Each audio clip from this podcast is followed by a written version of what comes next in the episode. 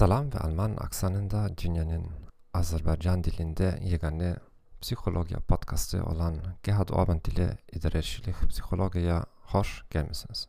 Bugün iş yerinde zehirli insanlara nece reaksiya göstereceğinden danışacağız. Bu bölümde çetin bir vaziyette olsanız derhal kömek tapabilmek için vacip kaynakları takdim etmekle başlamak isterim. Daha sonraki hisselerde daha etraflı malumatla devam edeceğim. Çok güman ki etrafınızda sizi deli eden, her zaman size hücum eden veya özünüzü naharat his ettiğiniz insanlar var. Sizin müdiriniz ve ya iş yoldaşınız olabilir. Aynı zamanda bir aile üzvü olabilir. Tavsiye ettiğim bütün menbeler İngiliz dilindedir. Ümit ederim bunu bakmarayak onları başa düşebileceksiniz. Yekin ki tavsiye olunan kitaplardan bazıları başka dillerde de mevcuttur.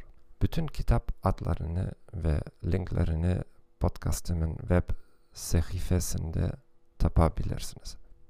Roberta Shaler'ın Save Your Sanity adlı podcastı zehirli insanlarla münasebette 150 bölümden çok tavsiye ederim.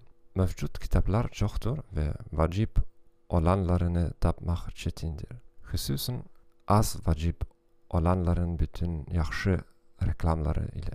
Patricia Evans, Victory over Verbal Abuse, Controlling People, The Verbally Abusive Relationship.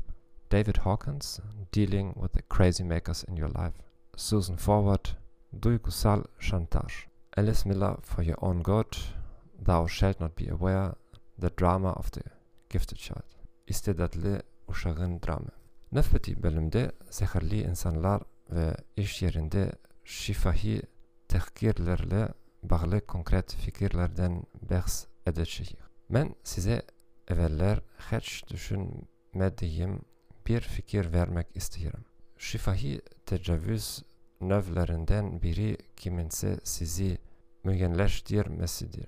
Yani diğer şahıs evvelce sizden soruşmadan şahsiyetinize veya ehvalinize etiket verir.